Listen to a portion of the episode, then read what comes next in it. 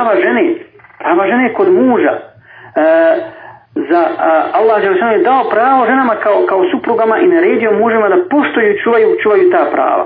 Onaj koji čuva, on čuva vasijet poslanika sallallahu alaihi sallam kada je rekao istavu su bin nisa i hajra.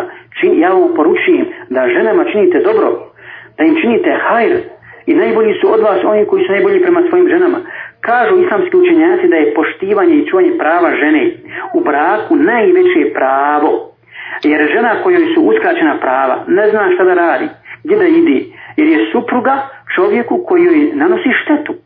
A muž, ako mu budu uskraćena prava, može pustiti ili zbog svoje snage i strpljivosti na kraju krajeva nositi taj teret, ako nije, ako nije on, ako nije stalan, ako nije, u ako nije u kontinuitetu taj problem. Međutim, žena to ne može.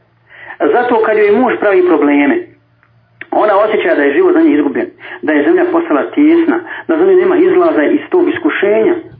I šta joj ostaje? Ostaje joj jedino, jedina, jedina utjeha, ali inšallah i prava utjeha, da se obrati svome gospodaru, da se njemu žali. Allah subhanahu wa ta'ala je objavio ajete braće i sure Muđadele, povodom bračnih problema jedne sahabike, i obavijestio nas je preko Kur'ana da je čuo glas žene koja se žalila na svog muža, na svog muža. Allah je čuo njen glas iznad sada nebesa. Kaže Aisha radijallahu ta'ala anha, e, mene i tu ženu i poslani, koja je se došla žal poslaniku sa svog muža, dijelio je samo zastor. Ja nisam razumjela i čula sve njene riječi.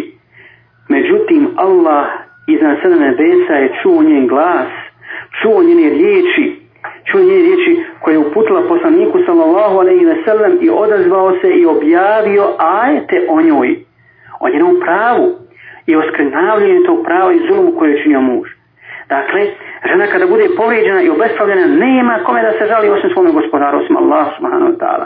Mada se žene često puta ne žele žaliti Allahu, odnosno ne žele uputiti dovu protiv svoga muža jer ga voli i ne želi da mu se desi bilo, kako, bilo kakvo zlo, eh, a da ona bude sred toga prava žena kod muža, objavljeni da dakle mnogi ajeti i Resul sallallahu alaihi sallam na oprošnom hađu, kad nosom ashaba govorio ittaqullaha fin nisa, bojte se Allah pogledu žena.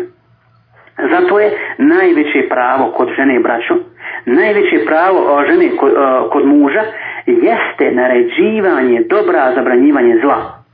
I ta obaveza, dakle to je druga stvar koju sam želio spomenuti.